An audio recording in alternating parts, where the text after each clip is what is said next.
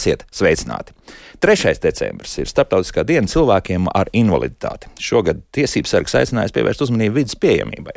Vai vidas pieejamība būs tā, kas darīs cilvēkus, kuriem tiešām ir šādas speciālās vajadzības, laimīgākus? Noteikti, bet vai pavisam laimīgus par to šodien spriedīsim raidījumā. Mani studijas viesi - Sustento valdes priekšsēdētāja Guntāņša. Sveicināti!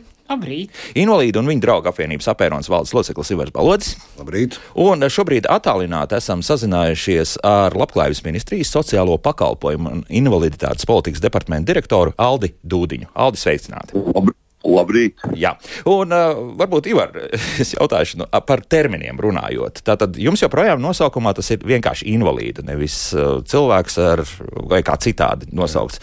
Ir terminam nozīme. Jā, protams, ka terminiem ir nozīme, un, un mēs diezgan, diezgan bieži grēkojam par to, ka mēs īsti nezinām, kā, kā, kā nosaukt vienu vai otru cilvēku vai sociālo grupu, un tā nu, reizēm mulstam. Un, un, un tad mums ir cilvēki ar speciālām vajadzībām, īpašām vajadzībām, mums ir vēl nezinu, kāda izdomājuma, ko mēs izdomājam, kā bailes var būt tās, ka nosaukt. Un pavisam nesen, vienā, salīdzinoši nesen, vienā, vienā, vienā tikšanās laikā arī viens augsts stāvošs amatpersona domāja, nu, kā īsti tur varētu tur nosaukt un aizmirst, bija tās speciālās un kādas vēl vajadzības. Un tad viņš laimīgās sejas izteiksmē teica, jā, nu par tiem cilvēkiem ar fizioloģiskām vajadzībām. jā, kā rezultātā ir tā, ka mēs. Nav jau melots. jā, jā, protams, bet tas jau neizsaka neko daudz. Jā. Jā, tas, kā mēs Latvijā esam pieņēmuši un, un sekojot līdzi droši vien, kad Eiropas un pasaules tajā plūsmē mēs runājam par cilvēkiem ar invaliditāti tad ir nevis speciāls vai īpašs vajadzības, jo patiesībā sakot, vajadzības visiem vairāk vai mazāk ir vienādas, bet runājam par cilvēkiem ar invaliditāti, par personām ar invaliditāti, mēs runājam par cilvēkiem ratiņkrēslā, cilvēkiem ar redzes, dzirdes, kustību traucējumiem, cilvēkiem ar intelektuālās attīstības traucējumiem. Un tas ir tas politiski korektais termins, kā lieto likumdošanā, un pie kura arī mēs pieturamies, jo pirmām kārtām ir cilvēks, un pēc tam tev kaut kas var būt tās, kad tālāk arī ir, bet tas nav tik būtisks. Mm. Gunta, es atceros kādu sarunu ar jums eh, televīzijā vēl pirms gadiem 20, tas sanāk, vai drusku pat vairāk. Un tur jūs tā neuzsvērāt šo lietu. Nu, kā ir, tā ir apmēram, vai kaut kas ir mainījies pa šiem gadiem? Jo skaidrs, Jā. ka daudz kas mainās. Mēs zinām, ka valoda attīstās. Katru reizi, kad valoda attīstās, tad attīstās arī šī sajūta, ko kurš vārds kurā brīdī nozīmē. Un pilnīgi piekrīt tam, ko teica Ivars, ka šobrīd lietojam jēdzienu cilvēku ar invaliditāti, kas nāca zināmā mērā arī no angļu valodas, kurā mēs ļoti daudz lietojam people with disabilities, kur pirmajā vietā ir cilvēks. Un, un kādēļ ne invalīds? Tad, kad jau arī pirms daudziem gadiem pie mums bija viesi, viņi bija no uh, angliski runājošas valsts, un viņi teica, mēs nesaprotam. Katru reizi, kad ieslēdz datoru, tur ir kļūda, tur rakstīts invalid file, piemēram. Aha. Un tad jūs sakat, ka jūs cilvēki arī nederīgi, jo tas fails ir nederīgs un nedarbojas. Uh, Un, un tas lika domāt, ah, nu tas laikam nav labs, labs vārds, vai ne? Labs vārds, ko mēs lietojam par šiem cilvēkiem. Un tādēļ radās arī doma, ka tā kā nevar to vārdu nu, īsti izskaust, jo likumdošanā viņš ir ļoti daudz, kur tāda arī ļoti sen. Mēs ar labklājības ministriju vienojāmies, kā lietojam cilvēks ar invaliditāti, liekot vārdu invaliditāte otrajā vietā, un arī likumdošanā mēģinam to mainīt. Varam pajautāt Dūdiņu kungam, bet man ir sajūta, ka visā Latvijas likumdošanā šobrīd vārds invalīds īsti neparādās. Varbūt kaut kur kaut kas. Jā, Aldi, ko komentēsiet, jā? Jā, es varu pas, pateikt, ka sociālajā likumdošanā tiešām visu, visos tiesību aktos ir šis te, teiksim, jēdziens tādā nu, šodienas izpratnē tiek lietots varbūt vienīgi varbūt kādos ļoti, ļoti senos, uh, nu, kopš neatkarības sākuma, kas ir izdoti tiesību akti. Ja. Bet nu, tā, tā pieeja ir tāda, ka tiklīdz uh, kaut kas tiek grozīts attiecīgajā normatīvajā aktā, uh, tad arī, ja ne paši autori, tad saskaņošanas procesā mēs kā labklājības ministrija aizrādām uz šo te pareizo vārdu cilvēks ar invaliditāti lietojumu arī juridiskajā terminoloģijā. Mhm. -huh. nu, tas labi juridiskajā terminoloģijā, bet uh, patiesībā nu, pagaršs sanāk tā. Un, un uh, vienkārši valodā runājot, nu, tad, ko tad mēs lietosim? Jo tas ir skaidrs, ka cilvēks ar invaliditāti nu, tā neviens nerunās uh, sarunu valodā. Kā būtu vislabākais? Tā ir grūti pateikt, jo patiesībā sakot, man liekas, ka arī vismaz tajā burbulī, kur mēs esam, jau ir pieredze. Mazāk runā un viss ir kārtībā. Jūs jautājat par to, par to mūsu organizācijas nosaukumu. Jā, jā, jā. Līdz parādās, un es tā īsti neatbildēju, laikam neuzspēju, bet jā, nu, mēs esam saglabājuši šo vēsturisko nosaukumu, jo tā, kad dibinājām tūkstošu pagājušā gadsimta 90. gadu vidū, tad šis bija ļoti legāls un oficiāls vārds, un mēs neesam mainījuši. Mēs esam to daudz diskutējuši, vai vajag mainīt nosaukumu vai nevajag, bet pagaidām esam vienojušies pie tā, ka mēs paliekam pie tā vēsturiskā nosaukuma skatīsimies, kā nākotnē. Nu, centīsimies tomēr to garo ja, lietot, lai, lai būtu korekti. Un tomēr, nu, tagad jau, jau pie tādām nopietnākām lietām, un proti, es, es varbūt arī Aldim uzreiz jautāšu, šobrīd, uz kurienu mēs virzāmies? Vai, vai tiešām tā, tā vidas pieejamība būtu tas būtiskākais, kas mums būtu jāsakārto arī valstī, un ieskaitot arī pilsētas sevišķi un Rīgu? Nu, vides pieejamība ir ļoti nozīmīgs faktors. Pirmkārt, jau runājot par to cilvēku grupu, kuriem ir uh, kustību traucējumi. Un šeit es gribētu vērst uzmanību, ka runa ir ne tikai par cilvēkiem, kuriem ir kustību traucējumiem invaliditāte noteikta, bet arī par uh, senioriem, kuriem tāpat tās brīžam mēs vērojam, ka ir fiziski grūti pārvietoties, ir dažādi šķēršļi un tā tālāk par jaunajām māmiņām ar bērnu ratiņiem. Un, un, un ir tāds vēl viens aspekts, ka vidas pieejamība tādā plašākajā un tādā pareizajā nozīmē šeit ir runa arī par informatīvās vidas pieejamību. Un proti, ir uh, runa par to, ka cilvēki, kuriem varbūt ir ierobežota uh, teiksim, šīs te, teiksim, uztveres spējas, kuriem ir ierobežotas uh, redzes vai dzirdes spējas, ja, arī vidas pieejamība nozīmē šī te, uh, informācijas pieejamība šajā te, teiksim, plašajā kontekstā. Tā kā jautājums ir svarīgs patiesībā sakot. Jā, un kā mums ar to visu klājas šobrīd, jo skatoties, nu, teiksim, galvaspilsētas ielas, nu, Barona ielā vismaz kaut kas ir neredzīgiem cilvēkiem, tad kaut kāds tas, tas strīps tur ir, nu, vēl šur tur arī kaut kas ir, bet vecrīgi joprojām Nu, jā, nu. ir tikus līdz šejienei, jā, bet, bet, bet nu, tā noteikti nav vide, kurā, kurā šeit varētu cilvēks ratiņkrēslā justies labi. Mm -hmm. Jā, nu, droši vien man jāsaka ļoti žēl par to, kas notiek Rīgā. Mēs vairāk kārt esam runājuši gan ar iepriekšējo domas sastāvu, tagad gatavojamies runāt ar nākamo domas sastāvu par to, kā kaut kas ir jādara, ja veidojot Rīgu pieejamāku. Bet atruna ir ārkārtīgi daudz. Atruna ir daudz par to, ka ir sarkanās līnijas. Tas nozīmē, ka tur nevar likt uzbrauktuvi, ka ir uh, kaut kādas lietas, kuras māja pieder vienam īpašniekam, iela pieder nākamajam, bet nedod Dievs trepes vēl trešajam īpašniekam. Un tas eh, šie, manuprāt, ārkārtīgi birokrātiskie šķēršļi veido to, ka patiesībā mēs nevaram atrisināt, nu, es teiktu, ļoti vienkāršus jautājumus. Un, ja mēs skatāmies, piemēram, Rīgā, tad ejot Rīgā pa Rīgas ielām, nu, man blakus birojam ir tērbats iela, kur man vasarā patīk pastaigāt. Es netieku iekšā nevienā veikalā, es nevaru iebraukt nevienā kafejnīcā, es nevaru draugiem iziet padzert kafiju, jo, jo es nevaru vienkārši tikt iekšā. Un tas ir bēdīgi, jo īpaši bēdīgi salīdzinot ar citām daudzām Eiropas pilsētām, kā jūs tikko minējāt, kur tu vienkārši ej un ej. Un kā viņi to ir panākuši? Jo man uh, bija saruna ar kādu uzņēmēju, kurš mēģināja nu, pēc visiem labākajiem standartiem uzbūvēt arī kafejnīcu Rīgā. Šeit pat arī netālu, nu, burtiski cik tā sanāk 500 metru no šejienes. Un tad viņš teica, jā, ka, lai to uzbrauktu, uztaisītu, tad man jālien ir faktiski blakus kāpņu telpas tajā teritorijā iekšā. Un, ja viņi vēl kaut ko izdomās, tad tur sanāks bez mazā uz līdzenas vietas konflikts, lai, lai tas pareizais jā. slīpums būtu, lai tie ratiņkrēsli tur tiktu iekšā. Jā? Jā. Jā. Kā, jā. kā to risināt? Teorētiski es nezinu, varbūt Ivaram ir kāda ideja. Jā. Es domāju, ka ir jādomā Rīgas domas līmenī par to, kā risināt to jautājumu ar pilsētas normatīvajiem aktiem, jo uh, Katram privāti īpašniekam privāti ir vieglāk nedarīt nekā darīt. Jā, ne, jautājums ļoti, ļoti labs un, un, un patiesībā sakot, droši vien, ka tas viens, tas viens ir tas, kas ko normatīvs pasaka.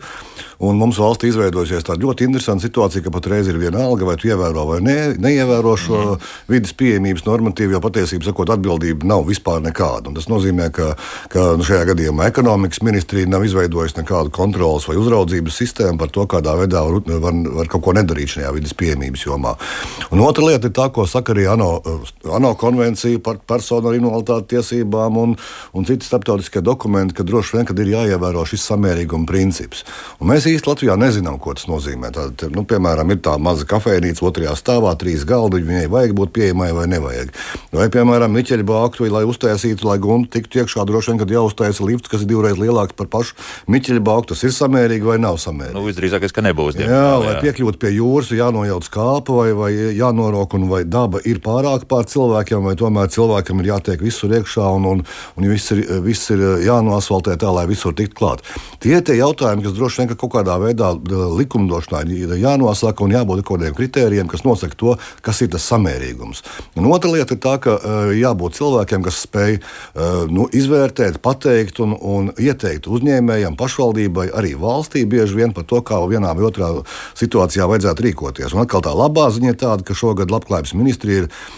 ir izveidojis apmācības eh, piekļūstamības ekspertiem, un šie, šie eksperti ir gatavi darboties, pārklāja visu Latvijas teritoriju, un, un viņu saraksts ir pieejams Lat eh, Labklājības ministrijas mājaslapā. Jā, un šie eksperti ir gatavi arī diskutēt par to, kur tas samērīgums var būt vai nevar būt. Kur eh, uzbraukt jau varbūt var būt nedaudz stāvāk, bet, ja ir vairāk priekšnosacījumu, lai tu tiktu cieņpilni iekšā, tad droši vien tas ir pieļaujams. Ņemot vērā to vēsturisko vietu, vietu, kur atrodas šī, šī, šis viens vai otrs objekts un tad mēs varam diskutēt par to, kā labāk, eh, kā labāk izveidot šo pieejamību eh, nu, pēc tā universālā dizaina skatījuma. Mm -hmm. Tāda, lai, ne, lai nebūtu nevis tā, ka ir tie risinājumi tādi, kur tikai gunta var iekļūt iekšā, un ja viņi vienreiz atbrauc, viņi tiešām var iekļūt, bet lai tas risinājums būtu tāds, kur var ik viens cilvēks iekļūt iekšā. Nevis speciāls uzbrauktos, eh, speciāli pacēlā, jā, bet, bet uzbrauktos, pa kurām ik viens var nokļūt. Mm -hmm. Jā, bet ja jā. varētu papildināt Iveru, tad godīgi, universālais dizains ir tikai jaunajās mājās. Es patiešām, jo pie uzbrauktuve nav universālais dizains. Ja vien par šo uzbrauktuvi neiet pilnīgi visi. Jā, jā protams. Jā, jā. Bet, bet, bet tajā jā, bet, gadījumā ir ļoti svarīgi saprast, ka vismaz par jaunajām mājām mēs varētu runāt par universālo dizainu. Bet tas nav par pieejamību, jo pieejamība ir kaut kas pilnīgi cits. Jo universālais dizains patiesībā ir filozofija kurā viena maza, maza daļiņa ir runa par to, ka visi varētu tikt iekšā. Un to būtu ļoti svarīgi atcerēties, bet es pilnīgi piekrītu Ivaram par to, ka ir ļoti svarīgi domāt par vecajām mājām un par to, kā mēs varam atkāpties no normām. Bet tik tā, lai, jo ja tur ir trīs pakāpieni un pastāvāk uzbrauktuve, cilvēks ratiņkrēslā tiek iekšā. Ja tur ir trīs pakāpieni, nav nekādas, nu tad vienkārši netiek vienkārši netiek. Bet tur atkal, nu jā, mēs varam diezgan dziļi atkal iet iekšā. Arhitekti sāk kliegt, ka Dievs saka, Dievs, tas ir kultūras vēstures piemineklis, pieņemsim, jā, kur Rīgā. Nē, nav tā, ka viņi kliedz un saka, jā. un patiesībā sakot, man liekas, ka pēdējā laikā atkal tā, tā izpratne tiešām tā kā veidojās, un, un man liekas, ka ka ne tikai uz, uz, uz ēkām pašām, bet arī uz, uz teritorijām, uz dabas takām, uz, uz to, kā mēs iekārtojam un sākam domāt arī universālā dizaina domāšanā, arī dizainā kā tādā. Jo tas ir tiešām mums jāņem ļoti daudz lietas vērā, kuras, kuras šajā, šajā vienā vai otrā objektā ir. ir. Un, un otra lieta, man liekas, ka tas, tas, tas ir tas, kas atkal tas ekonomiskais faktors tevi, tevi arī stimulē nedaudz, jo nu, patiesībā sakot, eh, pieejamas eh, telpas tām ir lielāka pievienotā vērtība. Tur tu vari izvietot ārstniecības iestādes, tur tev vairāk cilvēku nokļūst iekšā un tam līdzīgi. Un tam līdzīgi kā rezultātā pieejamas telpas Rīgā meklē ar uguni un atrast nevar. Un, un, un, jā, un tā ir vērtība, kas tagad ir pēkšņi parādījusies. Un, un cilvēki novērtē un, un saprot, ka tā tiešām ir tā lieta, kad, kad eh, tas būs nepieciešams. Un mēs jau kā sabiedrība ļoti strauji novecojam. Patiesībā, sakot, pēc 10, 15 gadiem šeit būs vairāk eh, vecāku gadu gājumu cilvēku nekā jauni, jaunie, spriganie, veselie. Un, ja mēs tagad to vidas pieejamību neveidosim tādā veidā, lai tiešām tā izmantojamība būtu pēc iespējas plašāka, tad viņi muks prom. Tad pēc 10, 15 gadiem, prom, vai nu mēs nemuksim vispār nekur no mājas, nevarēsim iziet ārā, jo tam vecajam cilvēkam kājiņas tāpat tās sāp, un viņš nevar pa tām trepītēm uzkāpt augšā. Un, un tad, jā, un tad vienkārši man liekas, ka tas būs briesmīgi, un tas mm. ir tas, ko mēs nodarīsim paši sev. Jā, tāpēc tagad Aldim jautāšu, tad lūk šādas iniciatīvas, kas varētu nākt arī no labklājības ministrijas, no sabiedriskām organizācijām un tā tālāk. Kāpēc tad tik grūti tās tomēr ir iejaust iekšā likumā un ministra kabineta noteikumos? Nu, redziet, problēma jau var būt tajā, ka uh, it kā no vienas puses varētu domāt, ka labklājības ministrija ir atbildīga pilnīgi par visu, arī teiksim, uh, vidas pieejamības jomā un tā tālāk.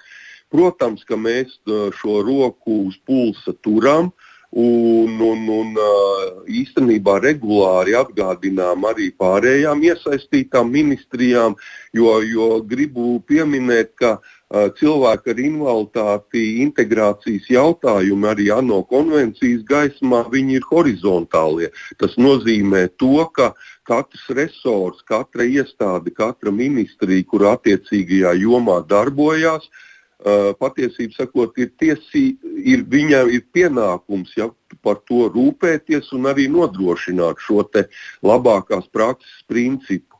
Nu, atklāti sakot, mēs par vidas pieejamības jautājumiem ar kolēģiem ekonomikas ministrijā runājam diezgan bieži. Droši vien runāsim atkal, sāksies jauns gads un jauns cikls invalīdu lietu Nacionālās padomes darba kārtībā. Uh, Un uh, lieku reizi arī atgādināsim ja, par, šiem, par šo jautājumu svarīgumu. Un ir uh, vēl viena tā lieta, ja, ko kolēģis Ivars uh, pieminēja šo apmācību. Uh, ministrija ir izstrādājusi arī tādu tā saucamo vidas pieejamības digitālo novērtēšanas instrumentu. Arī tas ir pieejams jebkuram interesantam, un ja rodas šaubas par to, uh, vai tur īsti ir kārtībā, vai īsti nav, tad var šo instrumentu izmantot. Un uh, otrām kārtām noteikti gribētos izteikt lielu paldies arī klātesošiem kolēģiem, uh, kuri ļoti daudzos jautājumos neliedz savu ekspertīzi. Ja tīri klātienē piesaistot teiksim, cilvēkus, speciālistus, kuri šos objektus, ja, par kuriem kur vajag veidot vidas pieejamību un novērtēt izveidoto vidas pieejamību, palīdz to ekspertu līmenī izdarīt. Ja, mēs jau sadarbojamies diezgan cieši. Un, jā, no otras puses, būvnormatīvi arī ir, kas tomēr nosaka šo nepieciešamību, bet nu, būvnormatīvi ir vairāk attiecināmi uz jaunajiem objektiem un uz rekonstruējumiem objektiem, bet nu, par to sodīšanu man ir grūti teikt. Tas būtu tiešām uh, jautājums vai nu, būvniecības kontrolas birojam, vai nu, tā, ekonomikas ministrijai un, atklāti sakot, arī katrā pašvaldībā ir tā saucamā būvvalde, kura dod, š, izsniedz šos te tehniskos noteikumus un pēc tam pieņem izveidotos objektus eksploatācijā. Un kāpēc dažreiz notiek tā, tā kaut kāda situācija ir diezgan tāda, nu, teiksim, tā komplicēti. Jā, nu, es izlasīšu to, ko mums Vilnis nu pat ir atsūtījis. Jā. Viņš raksta šādi: 2017. gada vasarā, sākot strādāt veselības inspekcijā, jūtu, jutos ļoti pārsteigts, ka vidas pieejamība ārstniecības iestādēs, kurās bija jāveic kontroli, ir relatīvs jēdziens. Proti, likums toreiz noteica, ka uz tām ambulatorajām ārstu praksēm, zobārstniecības kabinetiem un tā tālāk iestādēm, kas ir reģistrēts līdz 2014. gadam, var neattiekties prasības par vidas pieejamību. Kā tā? Kā var būt šāda izņēmuma likumā, jo tagad nevienu jaunu šādu iestādi nevar atvērt, ja netiek ievērotas visas vidas pieejamības prasības. Varbūt tomēr likumi ir jāmaina šāds cilvēkiem ar kustību un pārvietošanās spēju traucējumiem pazemojošs stāvoklis. Te izskan jautājums par kafejnīcām. Ko tad darīt ar daļu no šīm ārstniecības iestādēm? Jā, jā nu vispār zobārstniecība ir, ir ārkārtīgi traģisks stāvoklis, jo, jo pēc pašas veselības inspekcijas datiem tikai 4% no visiem zobārstniecības kabinetiem ir tādi, kurus var izmantot cilvēki ar kādu veidu invaliditāti, ar tādiem smagākiem kustību vai, vai, vai, vai kādiem citiem traucējumiem. Un tā situācija tiešām ir izveidojusies ļoti jocīgi, jo, jo tani, tas lēmums par to 14. gadu tika, tika pieņemts. Mēs bijām kategoriski pret tam, jo tiešām likās, ka līdz tam jau runāja, ārstniecības iestādēm ir jābūt pieejamām, un neviens neko nedarīja, nekādas sankcijas nebija.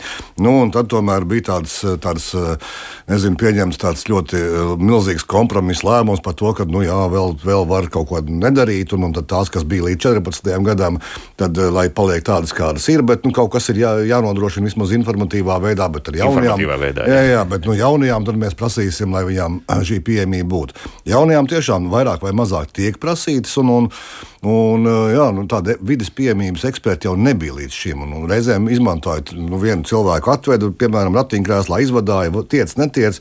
Viņam nezinot par to, ka ļoti daudz citas lietas, kas jau normatīvā ir ierakstītas, labo praksi nezinot, tad arī beigās tās nu, nevienmēr tās, arī tās ēkas ir pieejamas. Bet, nu, jā, patreiz tie vidas pieejamības eksperti, kurus var izmantot, man liekas, un, un tie ir pie, pietiekoši labi apmācīti, lai varētu rīkoties un darboties. Bet, Bet jā, nu, kaut kā mēs ar tām ārstniecības iestādēm esam drusku nogrēkojuši, un, un, un varbūt nepareizi lēmumi vai ieteikumi ir parādījušies. Un, un tā. mm -hmm. Gunta, cik jums viegli ir Jēkabielā nokļūt uz atbildīgās komisijas sēdēm? Tur nav nevienas ārstniecības iestādes. Tur nav nevienas iestādes. bet tur ir labāk vai par ārstniecības iestādēm, vai arī ir visādas problēmas? Es domāju, ka ir visādas problēmas un ir pietiekami sarežģīti daudz dažādas vietas. Mēs, nu, ir grūti pateikt, ka viena vieta nav, otra vieta ir, ir, jo ir svarīgi tas arī, ko Ivars saka, ir svarīga sistēma. Ir svarīga sistēma, jo kamēr mēs cīnīsimies par vienu konkrētu pakāpienu, tas būs ok tam konkrētajam cilvēku pulciņam, kas iet tajā konkrētajā vietā. Bet kamēr mums nebūs skaidra sistēma, mēs Nu, pavisam nesen aizvakar runājām ar Lāzarevu kungu no, no ekonomikas ministrijas, un, un uh, viņš kā ir tas cilvēks, kas pārstāv šo, šo jautājumu ministrijā, viņš ļoti skaidri definēja ministrija īsti par to rūpi neuzņem, ne, neuzņemas un ne, neuzņemsies. Ak tā. Jo tur būs ir šie certificētie uh, būvinženieri, viņiem vajadzētu par to domāt, bet tāpat laikā uh, nu, tāpat laikā nekas īsti nenotiek. Un arī tas, tas, tas ko mēs jau runājām, ka nu, cilvēks jau pēc būtības ir tāds būtne, kuram jau ļoti neprasa. Tad nedara. Un, ja tev nav nekādu labo domu, ka tu tāpēc to gribi izdarīt, bet tu zini, ka ja tu neizdarīsi, arī būs ok. Nu, ja vienā ārstniecības iestādē, tad jau tāds ir notiek. Viela pārdomām, vienmēr sakot, mums Jā, vēl ko bet, daudz bet, darīt. jā, bet vēl, vēl, vēl viena lieta, ko es gribēju vēl arī vērst uzmanību uz to, ka tai vidas piemībai nevis ne, mēs vienreiz uzceļam un ar to mēs kā tā beidzam un vairāk nepievēršam tam uzmanību. Tomēr arī eksploatācijas laikā ir jāskatās līdzi un jāvēro, kā, kā noteikta attīstība, kā ratiņkrēsls attīstās, kā cilvēki attīstās un kas izmainās vispār sabiedrības struktūrā.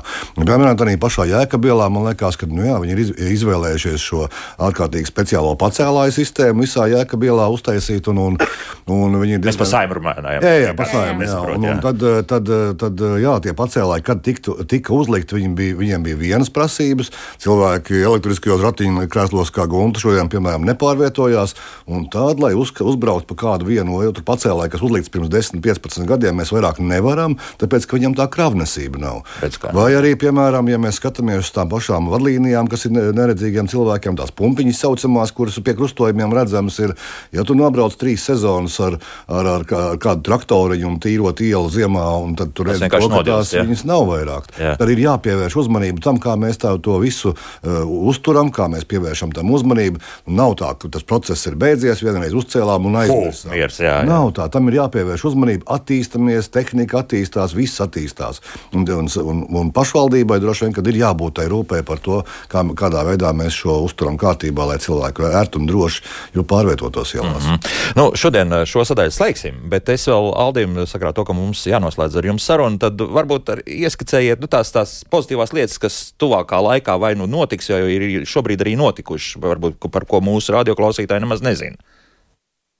À, nu, droši vien, jā attiecībā par to, kādi uzlabojumi cilvēkiem, par, par cik arī tuvojās svētku diena, jā, par to, kas tuvākajā nākotnē pozitīvs sagaida. Pirmkārt, es gribētu teikt, ka skatoties no 2024. gada budžeta perspektīvas, kur īstenībā man tūlīt jādodas arī uz budžeta komisijas sēdi, ir vairākas šīs lietas, ko es gribētu pateikt. Ja. Pirmkārt, paredzēta diezgan liela naudas summa piemaksām pie invaliditātes pensijas un arī attiecībā uz pabalstiem. Konkrēti varu pateikt, šodien būs diskusija par īpašās kopšanas pabalsta palielināšanu tā saucamajiem mūžīgiem bērniem, ja, par, par, par 100 eiro mēnesī. Par to noteikti būs diskusijas, un es ceru, ka lēmums būs pozitīvs. Uh, esam atraduši iespēju paaugstināt uh, atlīdzības apmēru uh, asistentiem. Uh, Tātad cilvēki, kuri palīdz cil, cilvēkiem ar invaliditāti, tas ir ļoti laba lieta. Tāpat varu pateikt, ka nākamajā gadā sāks uz pilnu jaudu darboties tā saucamais atbalsta personas pakalpojums, kas ir domāts uh, cilvēkiem ar garīgu raksturu traucējumiem, un šis speciālists, vai precīzāk sakot, palīdzošā persona palīdz tādos, tādā atbildīgu lēmumu pieņemšanas brīdī, un ne tikai atbildīgi, bet arī teiksim, ikdienā. Tāpat es varu pateikt, ka būs nākamajā gadā, mēs ļoti ceram, pieejams uh, pakalpojums eh, hospice aprūpē esošiem cilvēkiem, par ko jau arī plašsaziņas līdzekļos ir izskanējis. Bet, nu, tas ir tas, nu, viena no tām smagākajām cilvēku grupām, un, un mēs ļoti ceram, ka kopā ar veselības ministriju izdosies tik tiešām neskatoties uz visām grūtībām šo pakalpojumu nodrošināt. Gribētu pateikt, ka šā gada izskaņā beidzās arī lielais deinstitucionalizācijas projekts, kur mēs vairāku gadu garumā esam atraduši iespēju šos Eiropas Savienības struktūra fondu līdzekļus ieguldīt sabiedrībā balstītu pakalpojumu nodrošināšanā, kas cilvēkiem ar invaliditāti ir ļoti svarīgi. Šeit uh, sanāk mums vairāk kā 200 pakalpojumu sniegšanas vietas, ja gan bērniem ar uh, invaliditāti, gan cilvēkiem ar garīgu raksturu traucējumiem. Un, un, un, un tas, tas, es domāju, ka noteikti būs tāds, tāds labs pienesums.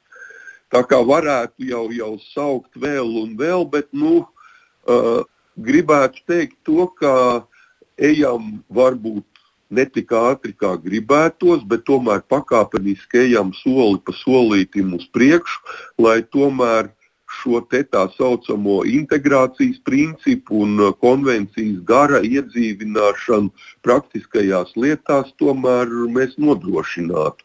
Un tas jau kā šodienas sarunā no, noskaidrojām, ka tas patiesībā sakot, ir ļoti palīdzoši visai sabiedrībai, ne tikai cilvēkiem ar invaliditāti, bet uh, svētku priekšvakarā tiešām gribētos izmantot šo iespēju un uh, visiem mūsu kolēģiem, sadarbības partneriem no nevalstiskām organizācijām novēlēt uh, veiksmi, spēku un izturību, ja šajā nebūtu nu, nevieglajā procesā.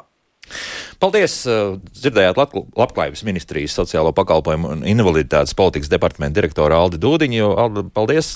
Laikam ar veseļojieties, jā, jāsaka tā, un lai šodien arī jauka diena.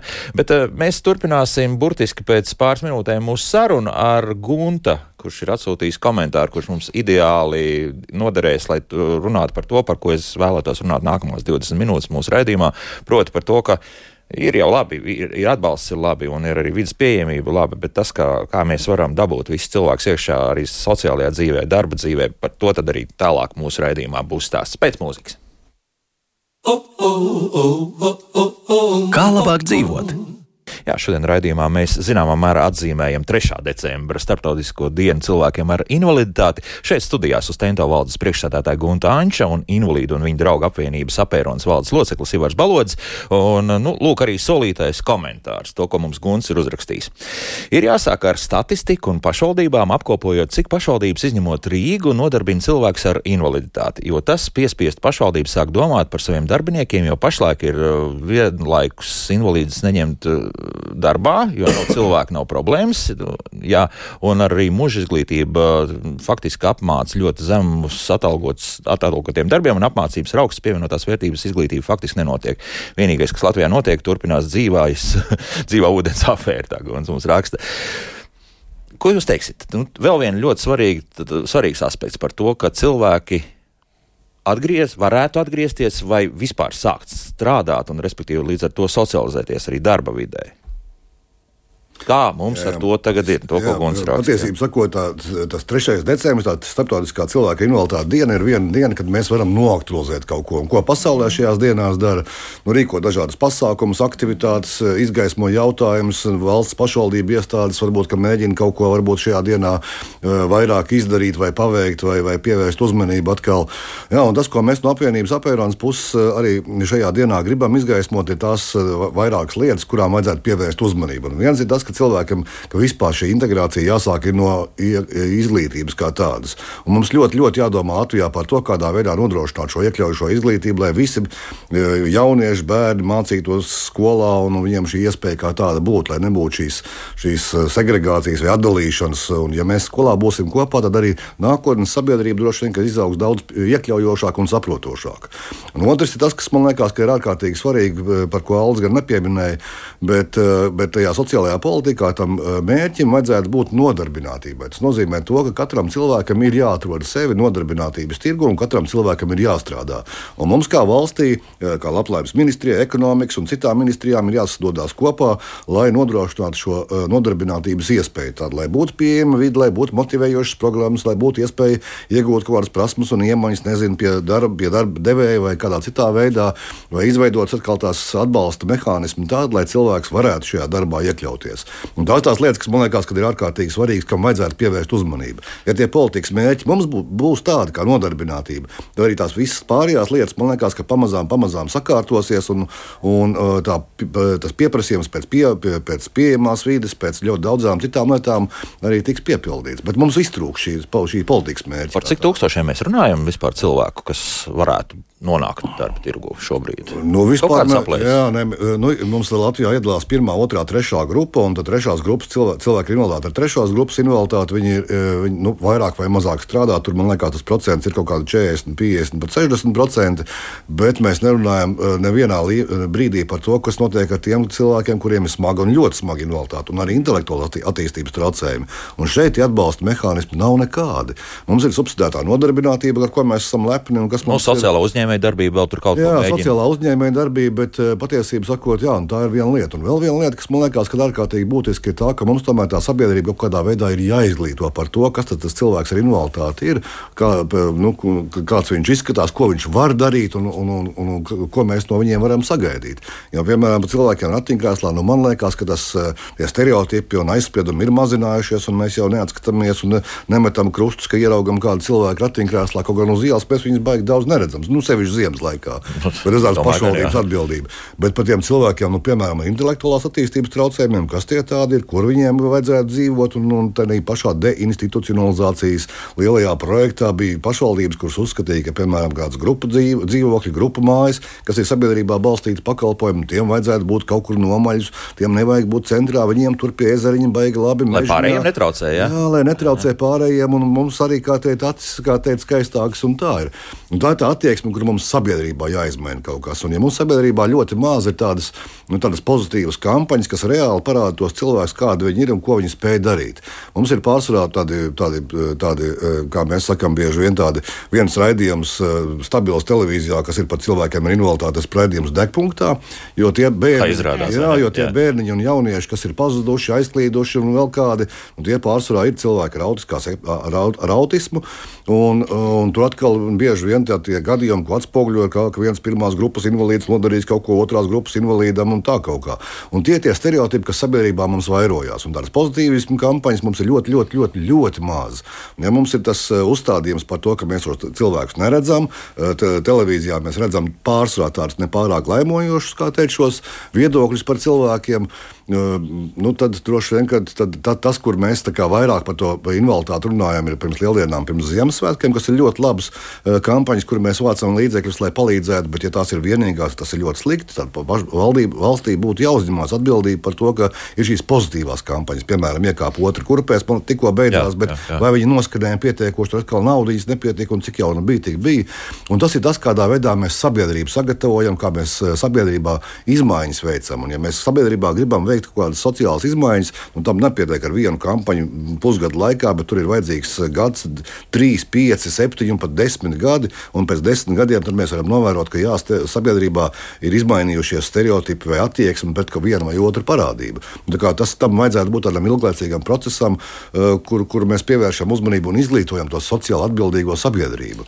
Tā tad pat, ja tas, ka mums ir hronisks darba roku trūkums, tas absolūti neko nemaina. Ja, šajā ziņā no sākuma ir sabiedrības izglītošana. Jā, nu, darba, jā, darba devējs jau nezina, ko jā, mums nāk arī darba devēji un saka, jā, bet mēs labprāt gribētu, bet ko viņi varētu darīt, mēs jau nezinām, nepazīstam, nav nekādas nojausmas. Jā, Gunte, jā.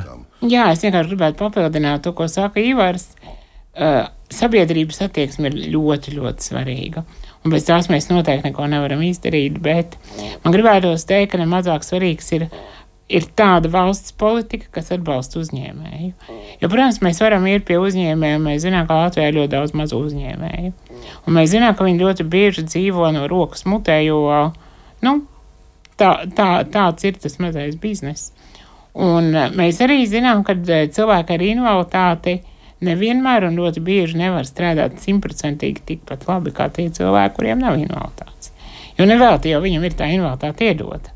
Ne jau tāpēc, ka viņam vienkārši skaists acis Jā, un mašīna var, un mašīna var braukt. Un man šķiet, mēs varam palūkoties, piemēram, ļoti tuvu uz Lietuvu, kur ir izveidots speciāls atbalsta fonds uzņēmējiem, kur pieņemot darbā cilvēku ar invaliditāti nav šī subsidētā darba vieta uz gadu vai diviem. Subsīdija ir cilvēka visu mūžu garumā. Tas nozīmē, ka uzņēmējs pieņem darbā cilvēku, kas nav spējīgs strādāt pilnu darbu dienu tādēļ, ka viņam ir invaliditāte, bet atlikušo summu šim cilvēkam līdz normāla alga iemaksā valsts.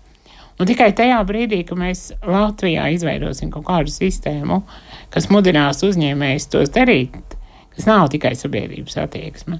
Jo sabiedrības attieksme un labdarība beidzas tajā brīdī, kad tev nav naudas kā uzņēmējiem. Uh, tikai tajā brīdī, es domāju, mēs varētu reāli domāt par tiem cilvēkiem, kam ir smaga invaliditāte. Šobrīd mēs varam runāt par tiem cilvēkiem, kuriem ir viss ok, kuri tiek galā ar savu darbu, un tur palīdz sabiedrības attieksme, jo tas ir tas brīdis, kad cilvēks ratiņkrāsā, piemēram, aiziet uz darbu un pieejamā vidē perfekti var veikt savu darbu. Un, un par to ir jādomā, mēs ļoti daudz par to runājam ar apkārtnes ministriju, bet uh, kaut kas bremzēs. Naudas nav.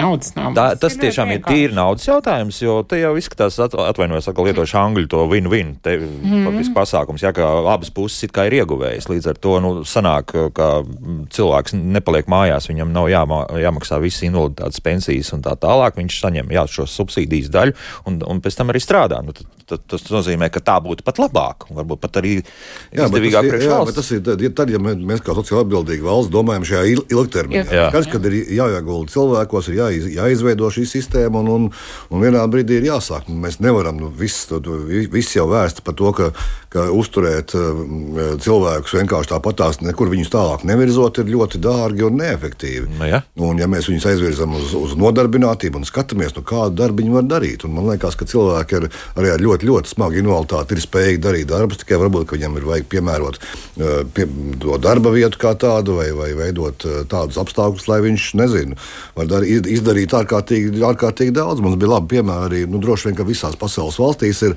nu, Eiropā, es domāju, gan vairāk, kur, kur arī mēs vienā specializētajā darbnīcā bijām, kur, kur tev ir nu, tāds neliels konvejers uztaisīt un, un puisis ar vienu roku un, un, un, un uh, savādāku ķermeņa uzbūvi. Viņš ir atradis veidu, kā viņš var nosēdēt, kā viņš var pie, pie, pie tāda lodēšanas aparāta, kādu speciāli pielāgot, kaut ko darīt un lodēt divus vadiņus kopā. Un tad beig, beigās visā tajā mazajā specializētajā darbiņā e, tiek veidotas austiņas, kuras izmanto Formula 1 piloti. Redz, ar milzīgu pievienoto vērtību. Tad arī mums jāskatās uz to, lai tie darbi būtu jēgpilni, cieņpilni un arī tādi, ar kuriem to ir nopelnīti. Bet tas nozīmē, tas, ka tas ir faktiski uz uzņēmēju pleciem, jo valsts nu, noteikti Jā, bet, neiemācīs nu, nevienam sociālā valstīs uzņēmēja lodēt, vai darbība, ne? uzņēmēja darbība, kas varētu būt, bet ir, te ir jābūt tam valsts atbalstam vai tai, tai sistēmai, kādā veidā, vai tai politikai, kādā veidā mēs Tātad ne tikai cilvēku Mhm. Tātad ne tikai subsidētās darbvietas, bet arī principā arī tādu mm, labu programmu, lai, lai integrētu cilvēkus. Ja? Jo ir ļoti svarīgi saprast, ka cilvēkam invaliditāte nepazudīs pēc gada. Un, protams, subsidētā darbvieta ir vērsta uz to, ka mēs pierodam, saprotam, iekļaujam, un varbūt, ka viss ir ok, un varbūt arī nevajag to turpinājumu. Bet ļoti, ļoti iespējams, ka to turpinājumu vajag, jo, kā rāda mūsu pieredze, ļoti bieži darbs beidzas līdz ar subsīdijas beigām. Nu, tas nozīmē, ka tomēr tas darba devējs nav īsti bijis gatavs to darīt. Un, protams, ir vēl viena tēma, par ko mēs gribam parunāt, un kas man šķiet ļoti svarīgi arī nodarbinātības jomā, bet uh, mūsu organizācija 3. decembrī, kas arī ir starptautiskā invaliditātes diena, 8. decembrī rīko pasākumu, kas, manuprāt, ir ļoti interesants Latvijā par mākslīgo intelektu un invaliditāti, par ko šobrīd ļoti daudz runā Eiropas Savienībā. Un mums šķiet, tā, nu, ko, ko tas mākslīgais intelekts dara, viņš tur kaut ko runājās ar kādu. Bet uh, ir svarīgi saprast, ka tas ir milzīgs palīga līdzeklis cilvēkiem ar invaliditāti. Mēs šo konferenci rīkojam kopā ar uh, uzņēmējiem no Tildes, Labklājības ministrija un Latvijas universitāti. Un mēs to redzam kā tādu milzu soli, kas varētu palīdzēt tieši Latvijas cilvēkiem ar invaliditāti apzi apzināt tās milzīgās iespējas. Kaut vai, piemēram, man ir grūti rakstīt, jo ir vājas rokas, un es nevaru strādāt darbā, kur ir daudz jāraksta. Bet šobrīd jau Tilda sadarbībā ar Microsoft ir izveidojusi iespēju, ka es datoram varu diktēt savu tekstu. Un dators lieliski pats saprot, latviešu es teikšu. Ieliek komatus, punktus, izlabo manu gramatiku, pat ja man tā nav ļoti laba, un dara lietas to cilvēku vietā, ko viņi fiziski nevar izdarīt. Un šādu lietu ļoti, ļoti daudz, un tāpēc par tām ir svarīgi runāt gan no pozitīvās puses, gan varbūt arī no negatīvās, jo, kā mēs runājam ar Eiropas Savienībā, ir ļoti svarīgi, lai šie jaunie līdzekļi neveido jaunas barjeras. Tas nozīmē, lai tas, kā mēs veidojam, piemēram, šo iespēju komunicēt ar mākslīgo intelektu, būtu pieejamā formā ikvienam. Lai ne, kāds nepaliktu aiz borta. Jā. Nu, jā, tā ļoti bieži reizē notiek. Jā, man liekas, ka tas arī tās, tā, tās konferences, semināri, aktuāl, ak, aktivitātes dažādas, kur mēs kā nevalstiskas organizācijas kā, vai arī kādā sadarbībā veidojam, tas man liekas ārkārtīgi svarīgi, kur mēs izglītojam, tur mēs virzam to, to, to, to politiku uz priekšu, varbūt tās kaut kādā veidā, vai parādām tās jaunās labās prakses. Bet arī ļoti svarīgi ir, ir, ir ne tikai tā, tās uz priekšu skatīties, bet sakārtot tās vietas, ka, lietas, kas ir uz vietas. Un, un, Un, un, jā, bet, ka, bet arī, no, ap- mēs, arī tiesības sargs, man liekas, kad runājot par konferencēm, 5. decembrī tā ir milzīga konference par, par to, ka uz tādiem pierādījumiem balstītā mm, veidā parādīt to, kam vajadzētu pievērst vairāk vai mazāk uzmanību valsts politikā. Un, man liekas, ka 9. gadu pēc kārtas ir ārkārtīgi laba tāda tradīcija, kā gada balva cilvēku invaliditāti atbalstam, kas man liekas, ka ir super tāda tradīcija, kas ir iegājusi, man liekas, un, un, un, un ļoti strikti apritē. Un, un atzīmējam tos cilvēkus, organizācijas, nevalstiskās organizācijas, kuras uh, gadu laikā kaut ko labi ir paveikušas. Un Tas man liekas, ka ir forši, ja mēs varam atbalstīt un, izcelt to, ko mēs jau patreiz darām, un, un, kādu labu piemēru Latvijā uz vietas. Mm. Mhm, Svētkiem ir jābūt. Svētkiem ir jābūt, protams. Jā, bet kur mēs dabūsim to grūdienu? Runājot arī par to pašu mākslīgo intelektu, jā, un, un vispār, un, un, vienkārši arī varbūt kādu tīri fizisku darbu, un, un, un arī tādām lietām, ko mēs runājam raidījuma pirmajā pusē par to vidas pieejamību. Kas būtu tas palaidē mehānisms, kas, kas, kas mums ļautu raitāk visu darīt? Vai tā ir vienkārši brutāla nauda, vai, vai tomēr tas ir kaut kas cits? Nav naudas, domāju, bet eh, bieži vien arī nauda, bet tāpat laikā tas grūdienis, ko mēs izjūtam, eh, kas eh, tā palīdz varbūt tās, labāk sakārtot vai virza valstu mm, to politiku, varbūt tās tādā jēgpilnā virzienā ir Eiropas Savienība. Mums ir Eiropas Savienības direktīvas, mums ir ANO konvencija, un mēs kādreiz smējāmies vai, vai, vai ironizējām par to, ka tās Eiropas Savienības direktīvas ir tādas no tām valstīm domātas, kuras varbūt pašas nespēja neko izdomāt. Nu, ja tu neko nemāki, tad rekrutēji tev Eiropas Savienības direktīvu, kur Un jau tev Vienkārši priekšā, kas ir jā. jādara. Jā. Bet, tas, bet atkal nevajag aprobežoties ar to, kas šajās direktīvās ir, bet, eh, bet eh, attīstīt tās visas lietas. Un man liekas, ka nevalstiskās organizācijas, un šodien ir jārunā par nevalstiskām organizācijām, kuras ir milzīgi palīgi gan cilvēkiem ar invaliditāti, gan arī valsts pašvaldību pārvaldē, kur, kur mēs milzīgi pienesumu dodam, lai, lai palīdzētu nodrošināt to laimīgu cilvēka dzīvi eh, sabiedrībā. Un tas ir tas, ko mēs darām. Un, un, un ir jāatzīmē nevalstisko organizāciju devums. Bet mums vajag, vajag eh, tos labos piemērus vairāk un mēģināt iesaistīt cilvēku sabiedrībā. Un tas ir tas 3. decembra uzdevums, kad, kad mēs eh, ar lielāku, lielāku eh, tādu spēku mēģinām par šīm lietām runāt un būt sabiedrībā vairāk. Un sabiedrībai pacelt drusku acis un paskatīties. Jā, re, kur mēs šeit esam. Tālāk, Nāciet, jā. pa- redziet, ka mēs varam ļoti daudzas lietas izdarīt. Tieši tā. Jā. Un, Gunta, un šīs konferences par mākslīgo intelektu tālākos rezultātus mēs redzēsim kaut kur, un, un cilvēki varēs sekot. Jā, noteikti cilvēki varēs sekot tām lietām, kā viņas ir notikušas. Mēs veidosim tādu kā pārskatu, un droši vien arī sabiedrība tilde domā par to, kā viņi to tālāk varētu ļoti iekļaujoši attīstīt arī tieši cilvēkiem ar invaliditāti, padarot to pieejamāku daudziem. Un droši vien turpinot arī to, ko vēl Ivars teica par Eiropas Savienību, tad arī Eiropas Savienībā šie jautājumi ir ārkārtīgi aktuāli. Un tagad ir pieņemts tā saucamais accessibility akts, jeb pieejamības akts, kas rezultējās ar konkrētu likumdošanas aktu, kas arī Latvijā ir pieņemts pār um, pakalpojumu un preču pieejamību, ja piekļūstamību tagad sakām. Un man šķiet, ka šeit ir tāda jauna niša, kur parādījās bankas. Bankas, kuras līdz šim ļoti maz domāja par piekļūstamības jautājumiem. Tagad atnāca Eiropa, teica, re, jums ir jāsāk domāt.